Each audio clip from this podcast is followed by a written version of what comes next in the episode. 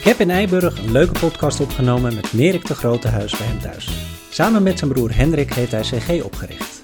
Na 20 jaar heeft de CG verkocht aan Noorstad en is hij nu aan het ontdekken waar hij zich de komende jaren op wil gaan richten. Met Merik kijk ik terug op 20 jaar CG, hoe het groot is geworden en hoe hij heeft toegewerkt naar de verkoop toe. Allereerst vroeg ik Merik naar de start van zijn loopbaan en hoe het idee voor CG is ontstaan. Veel luisterplezier.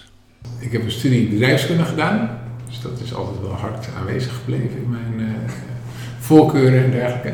Uh, toen ben ik een beetje gemakeld door een uh, recruiter om bij E.ON, de verzekeringsmakelaar, aan de slag te gaan in een traineeship. Dat was wel een beetje het heilige woord, dat wilde iedereen.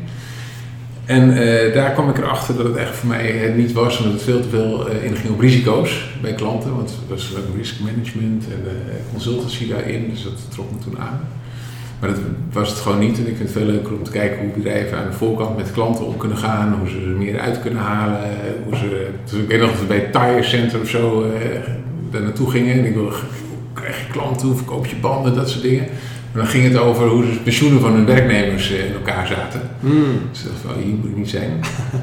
Had ik misschien van tevoren ook kunnen bedenken, maar dat is in ieder geval niet gebeurd. En toen ben ik dus gaan zoeken naar iets anders. En toen kwam ik terecht bij een marktonderzoekbureau. Omdat dat in ieder aan de voorkant met organisaties te maken heeft. Dus dat is wat me aantrok. Toen merkte ik na twee jaar, na een jaar eigenlijk toch de uitdaging al een beetje kwijt was. Ik vond het ook snel om dan weer ergens anders naartoe te gaan. En toen uh, liep mijn broer er ook rond. Uh, had ik een plek voor hem geregeld als werkstudent. En die moest dan mensen bellen. En, voor kwalitatief onderzoek? Voor kwalitatief onderzoek, specialiteit van de energieliberalisering. Dus we moesten tien mensen uit Amsterdam, die dus allemaal bij Nuon klant waren. En dan kijken of ze volgend jaar anders gingen doen. En dat dan voor groepsgesprekken uitnodigen. En dan vertelde ik wat ze dan kregen. Normaal gesproken de bureaus die dat deden. En nu deed hij het als zomerbaantje. Voor een tientje per uur. En die bureaus kregen al, uh, nou, wat zou het toen zijn, 70 euro of zo. Dus toen dacht ik, oh, dat ga ik zelf doen. toen hebben we dat met uh, Brown destijds overlegd. En toen ben ik dus naast mijn werk met dat uh, bureau begonnen. Dus ik werkte als marktonderzoeker en ik was eigenlijk de toeleverancier van mijn eigen werkgever. Kijk eens aan. Ja. En hoe, is dat, hoe heb je dat verder opgebouwd slash uitgebouwd? Ja, dus ik was heel erg op de achtergrond uh, in de beginjaren. We waren dus wel samen, Vennoot was het in het begin. En hij heeft het operationeel getrokken een aantal jaren. En toen in 2006 ben ik daar ook mee fulltime ingetrokken. Nog met een andere tak, CG Sales. Dat was niet zo bijster succesvol. En toen na 1, 2 jaar ben ik ook volledig toe gaan leggen op CG Selecties destijds. En hij deed dan meer de operatie en ik was meer met ontwikkeling en langere termijn dingen bezig. En de jaren daarna zijn we heel veel wezen stuivertje wisselen. Dan was de een eigenlijk weer fulltime, zat erin, dan de ander. Korte periodes nog samen. En op een gegeven moment weten we helemaal niet dat we iemand hadden uh, aangesteld om de directie te voeren. Dus uh, zo is dat steeds doorgegaan. Ja, en hoe, hoe, kwamen al die beslissingen om dan weer samen te gaan, dan weer apart? Waar, wat, wat waren daar de ja, oorzaken voor? Ik zit achteraf te kijken, want het is ook voor mij een beetje die seven years itches. Dus, ik was in 2002 zijn we begonnen en in 2009 is hij met die kinderkledingshop uh, begonnen, een aantal jaar. Um, bij mij ook een beetje hetzelfde, zes en in 2013 ben ik met uh, toen en Jacques Verleeuwen Jam begonnen voor mij achteraf steeds, ja, dan wil je iets anders en dan blijkt het wel te werken niet. En dat is denk ik ook het ondernemende stuk erin. Iedere keer kijken wat werkt. Als het te veel uh, onderhoud of beheer wordt, dan uh, is wel behoefte om het anders te gaan proberen. En, uh, toen in 2018 heb ik eigenlijk volledig de keuze gemaakt om er weer in te stappen. Omdat ik toen met andere dingen bezig was die of opgehouden waren en een beetje zoekend. Van nee, dan haal ik denk nu toch hier het meest uit. En hoe heeft CG zich in die, die jaren ontwikkeld? Als je het bijvoorbeeld hebt over de periode 2010, uh, nou ja, 2020? Ja, um, ik denk dat we heel duidelijk pad in zijn geslagen van uh, automatiseren en grootschalig uh, werken. Dat werkt ook goed omdat je eigenlijk niet heel veel. het werk aan zich bij zo'n recruitmentbureau, selectiebureau, niet heel leuk vonden. Dus de ambitie, oh, we willen de hele dag mensen bellen om dat voor elkaar te krijgen. Dus dan wil je al snel ook zoeken naar manieren om het efficiënter te maken en dergelijke. En dat paste natuurlijk ook goed bij de bedrijfskundige opleiding. Ja. En toen een tijdje hebben we nog geprobeerd om het wel kleinschalig te laten overkomen. Op een gegeven moment ook een soort raad van advies met twee mensen. En ze maar dit is nou precies hetgene wat je anders maakt dan de rest. En waarom zou je dit dan zo willen blijven als de rest, terwijl je juist iets hebt wat uniek is, wat anders is? Nou, dat was inderdaad wel een heel duidelijk inzicht van ja, laten we ons nou ook maar gewoon anders gaan profileren dan uh, de, rest. van echt vaak huistuin- en keukenpartijtjes die dan een beetje uh, vanaf de keukentafel aan het werk waren. En bij ons was het gewoon personeel, continuïteit, allemaal dat soort zaken. Gewoon 52 weken per jaar. Nou ja, allemaal dingen waar we juist om waren begonnen omdat we zagen dat die onderzoeksbureaus daar behoefte aan hadden. Ja. En dat er niet was.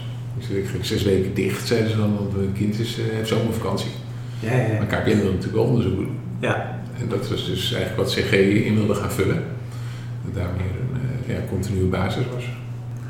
Ja, en uh, mooi uitgegroeid verder. Wat, um, zijn er bepaalde momenten ook geweest waarvan je denkt van ja, dat waren echt mooie mijlpalen voor de organisatie? Of ja, we hebben er iedere keer wel, uh, bijna ieder jaar hadden we wel iets, dat weer een nieuw ding. Of uh, in 2007 wilden we in Duitsland uh, gaan beginnen, dus daar zijn we bezig geweest.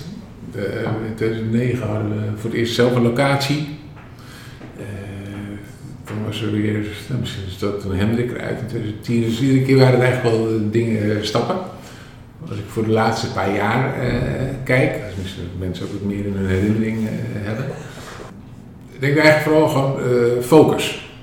En dat je dus kiest, bij ons was bijvoorbeeld op een gegeven moment, ik was in de zomer 2018 meer zelf helemaal erin gestapt. En toen zagen we dat onze venues slecht draaiden, maar ook heel veel energie kosten in andere activiteiten, zorgen dat het maar gevuld was. en als het dan gevuld was, alles omheen regelen. Dus er ging ook gewoon veel aandacht naartoe en ook op het hoge niveau te krijgen. Want je had meerdere venues. Die van uh, 2009 hebben we toen al, hadden we toen al verkocht. En toen ja. hebben we een overname gedaan van die van, uh, van Hellemond. Daar heeft het hele bedrijf uh, overgenomen, de activiteiten. En dus ook de huur van hun locaties, zodat we die konden gaan gebruiken. Maar we zagen toen het kostte bakken met geld en dat leverde eigenlijk helemaal niet zoveel op.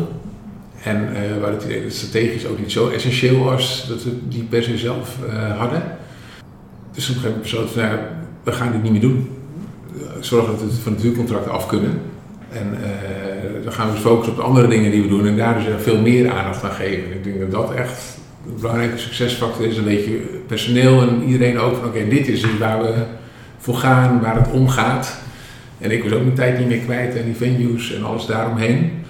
En uh, ja, het leverde ook eigenlijk niet op, maar het voelde ook niet dus dat het indirect op zou leveren, dat het zo nodig was. Ja, toen kwam corona, hadden we natuurlijk een dikke mazzel dat wij dan net van die venues af waren. Maar ja, dus dat is enerzijds, ik denk dat het uh, focus en beslissingen durven nemen was tot 2019, waardoor we er af waren. Ja. Ja, dan is net het mazzel-element, dat je tijdens COVID het niet meer hebt. Maar ja, dus de combinatie van die twee dingen is denk ik uh, belangrijke. En wat denk ik ook wel een belangrijke ontwikkeling is, een belangrijke succesfactor dan weer, de focus op het bedrijf. Ik denk dat het tussen 2014 en 2018 allebei een beetje omheen hingen. Ik was toen met Jam bezig, we hebben Research Heroes uh, gedaan, zo'n platform waar mensen uh, onderzoekers zich in konden schrijven en wereldwijd opdrachten aangeboden konden worden voor onderzoekers. En Hendrik was ook een beetje terugtrekkend. En dat merk ik in de organisatie toch ook. Dat, ja, wie zit er nog echt met hart en ziel in? En uh, de directeur die we toen gesteld, die heeft er echt ook met z'n allerbeste pogingen wat van willen maken. Ja. Maar voor veel mensen geeft het toch een andere vibe als de ondernemer er zelf in zit of niet. Dat gevoel uh, had ik. En in ieder geval van onszelf, dat wij onze aandacht echt voor hadden, of ik in het laatste geval. Dat dat een uh, belangrijke ontwikkeling is geweest. De laatste jaren, uh, het is natuurlijk nog een coronaperiode geweest. Nou ja, de, venues op tijd verkocht. Hebben jullie daar nog verder veel, maar veel last van gehad in die zin ook qua ja, dat is wel. En de omzet echt, uh, die maanden april en mei waren echt knetterzwart. Dus dat zijn echt momenten dat je inderdaad, we konden lang niet de lonen betalen van uh, de omzet die er nog was. Laat staan alle andere dingen zelf, het inkomen dus nooit vergoed of zo van de ondernemer. En dus de huren en alle kosten lopen natuurlijk gewoon door. En daar zaten natuurlijk dat we licht waren en dat we niet de ballast hadden van die venues. Dus dat was goed. En dat digitale ging inderdaad wel snel toch weer werken. En, dus via Zoom en Teams en dat soort manieren die onderzoeken doen. En dat is altijd een beetje geprobeerd, maar niet echt uh, van de grond gekomen. En opeens moest het. Ja, en nu is het volgens mij uh, there to stay. En dan de, ja, de, de laatste fase, die uh, nou ja, ook een jaartje geleden denk ik dat dat volle bak speelde.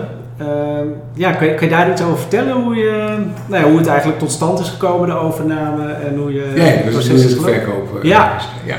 Um, toen ik in 2018 uh, het roer overnam, toen hadden we een uh, strategische visie met een grote poster gemaakt. En daar stond ook op drie tot vijf jaar, noemen we dat, strategisch partnership. Hmm. En in mijn woorden was dat verkoop, maar dat vond ik niet zo lekker op die poster staan. Maar in ieder geval wel, we willen meer buitenland toevoegen. Ja. En, en ik wilde inderdaad ook niet lange termijn per se hier aan bij betrokken moeten zijn bij CG. Dus het is voor mij wel een project van een paar jaar om er weer op die manier in te stappen. En ehm, dus we zijn wel op zoek gegaan op welke manier gaan we dat doen. We hadden ook al met respondenten uh, contact over een fusie uh, voor corona. En toen net rond corona waren we zover dat we ook echt financieel moesten gaan kijken hoe we dat gingen doen.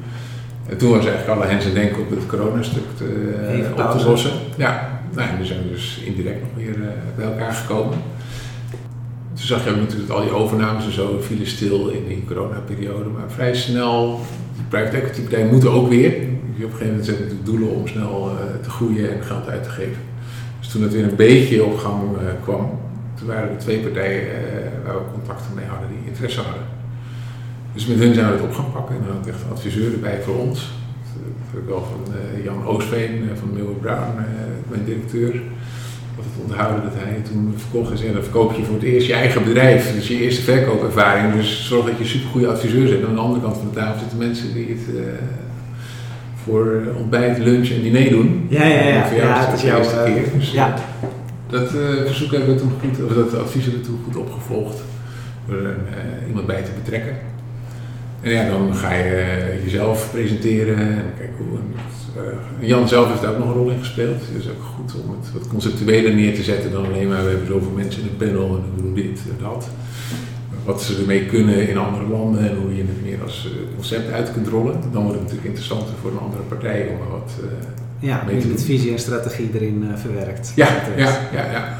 En uh, ja, dan ga je eindelijk biedt iemand en dan ga je de volgende stap. En dan moet je dat duurde ons even langer, omdat ze dus bleken achteraf dat ze met respondenten ook bezig waren. Dus we hebben een paar maanden pauze gehad.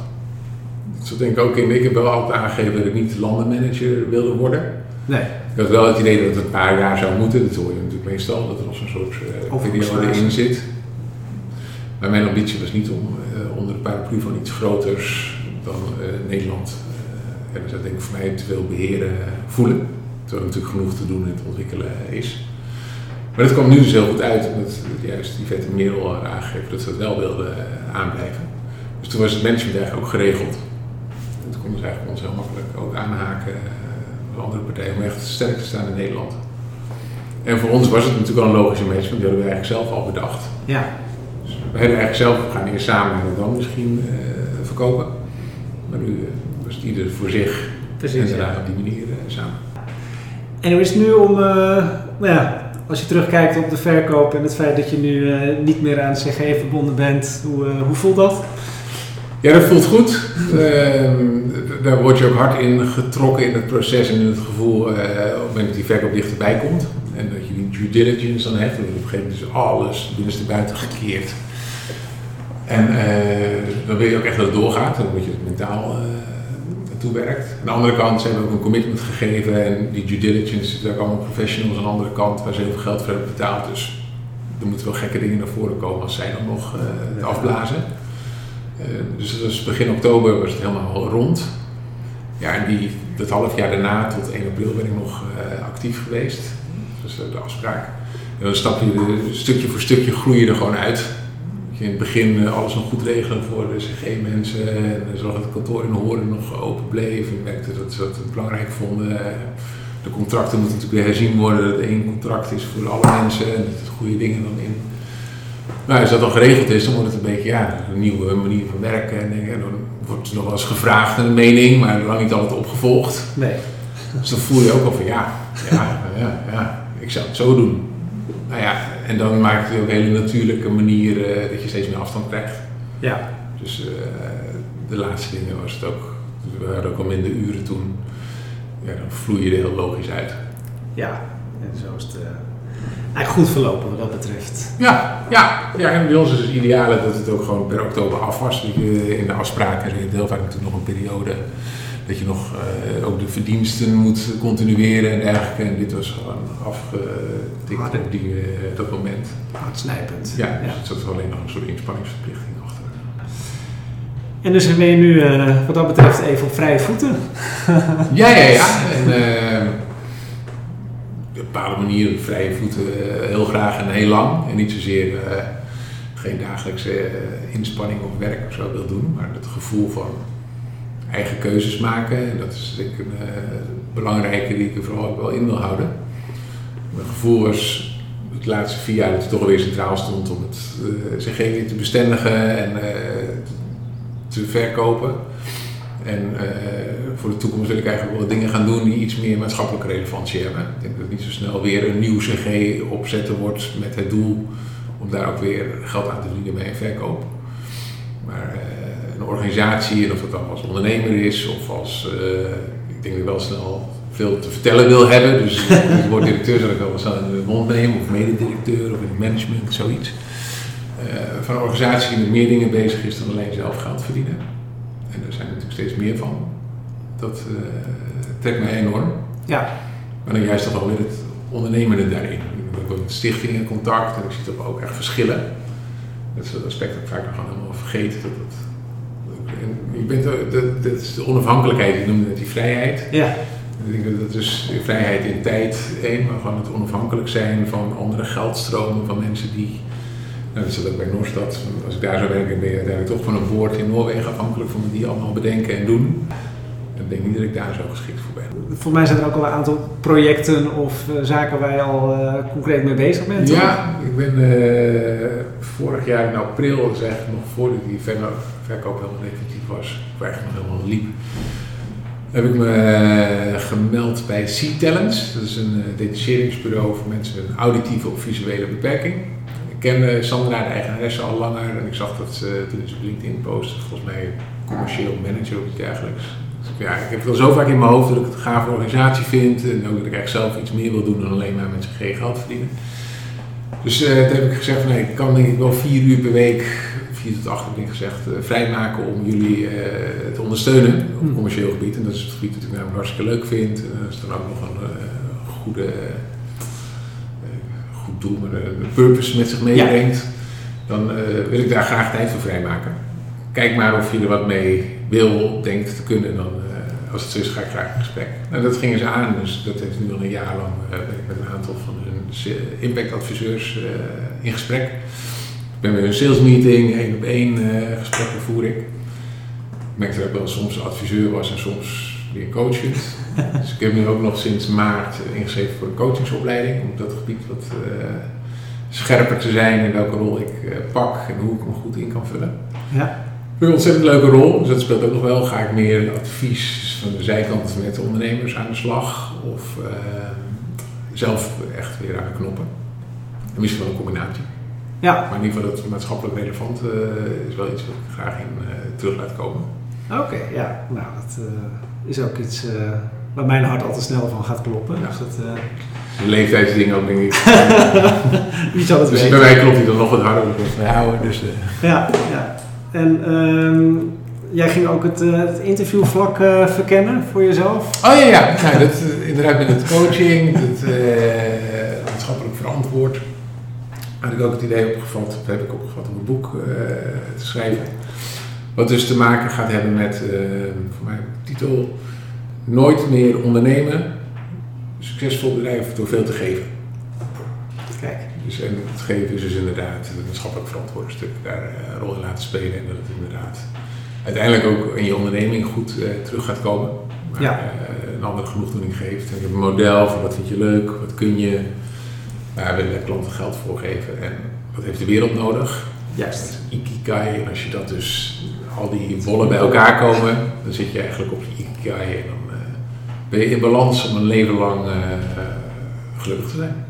En zijn er nog dingen die je vanuit marketing intelligence nog wil oppakken of dat je denkt van nou, dat zijn nog wel interessante eh, haakjes naar het vak toe wat ik... eh, Eh, ik merk dat ik altijd wel nu een interesse heb voor machine learning, big data, dat soort artificial intelligence zaken.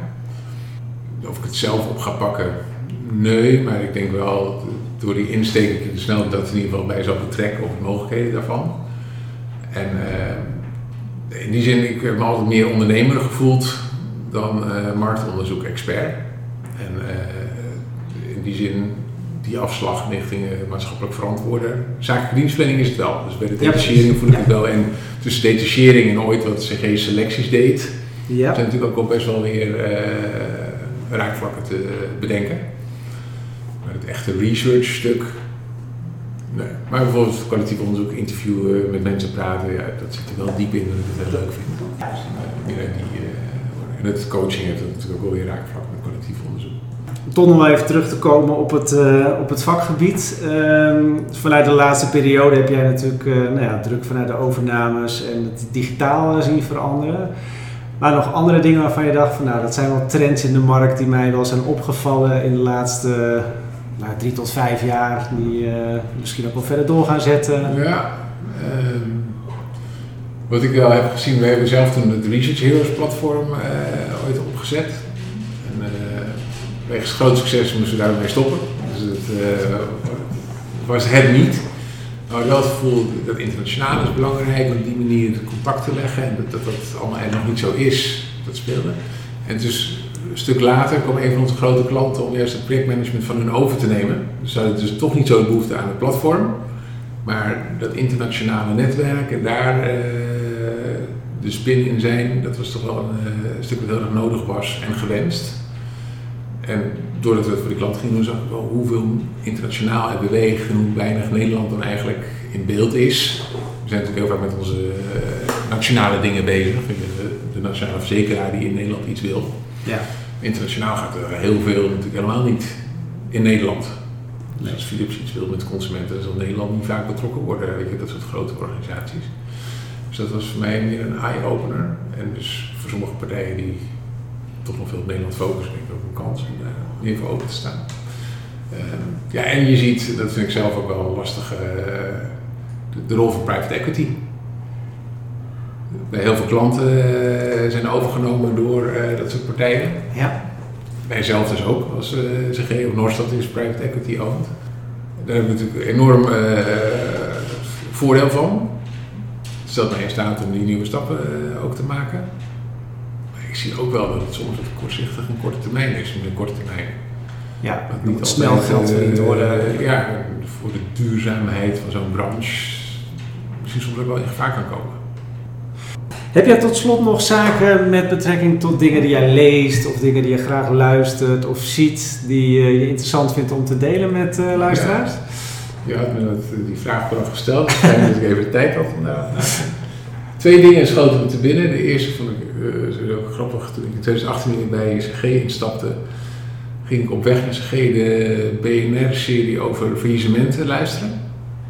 CG zit er nog niet in het beste vaarwater, dus is eigenlijk helemaal niet goed voor mijn gemoedsrust. Maar toen heb ik ook wel gedacht, oké, wat is nu het ergste als het failliet zou gaan? Nou, dit, dit, we kunnen misschien in dit huis wonen, dan kunnen we vast wel ergens anders wonen. Ik kan wel werken, mijn vrouw werkt, dus oké. Als dat het allerergste is, dan uh, komen we daar ook overheen en dan ga ik nu mijn tijd besteden aan zorgen dat het niet meer, uh, dat het niet gaat gebeuren. Maar dan vond ik wel in dat soort verhalen, er zit zoveel uh, leermomenten van ondernemers en de succesverhalen zijn allemaal zo uh, Hosanna vaak. Ja. En uh, het komt allemaal ook door hun eigen handelen. Misschien zat het in dit verhaal voor mij ook al wel uh, veel. Uiteindelijk zit er ook natuurlijk vaak een geluksfactor in. En andersom, als het niet goed gaat, omstandigheden. Ja, is ook, ja, ik heb vaak aan geweest, maar deze mensen hadden ook wel een reflectie soms van welke dingen. Ja. Eigenlijk veel leerzamer om dat soort verhalen te horen. Waar het eh, is misgegaan en vooral ook interessant dat ze vaak ook weer de veerkracht vonden om daarna andere stappen te maken en andere afslagen. Dus dat vond ik een hele interessante serie. En eh, nog vanwege een kennis, eh, vriend Marnix Geus heeft het Idealenboek eh net uitgebracht.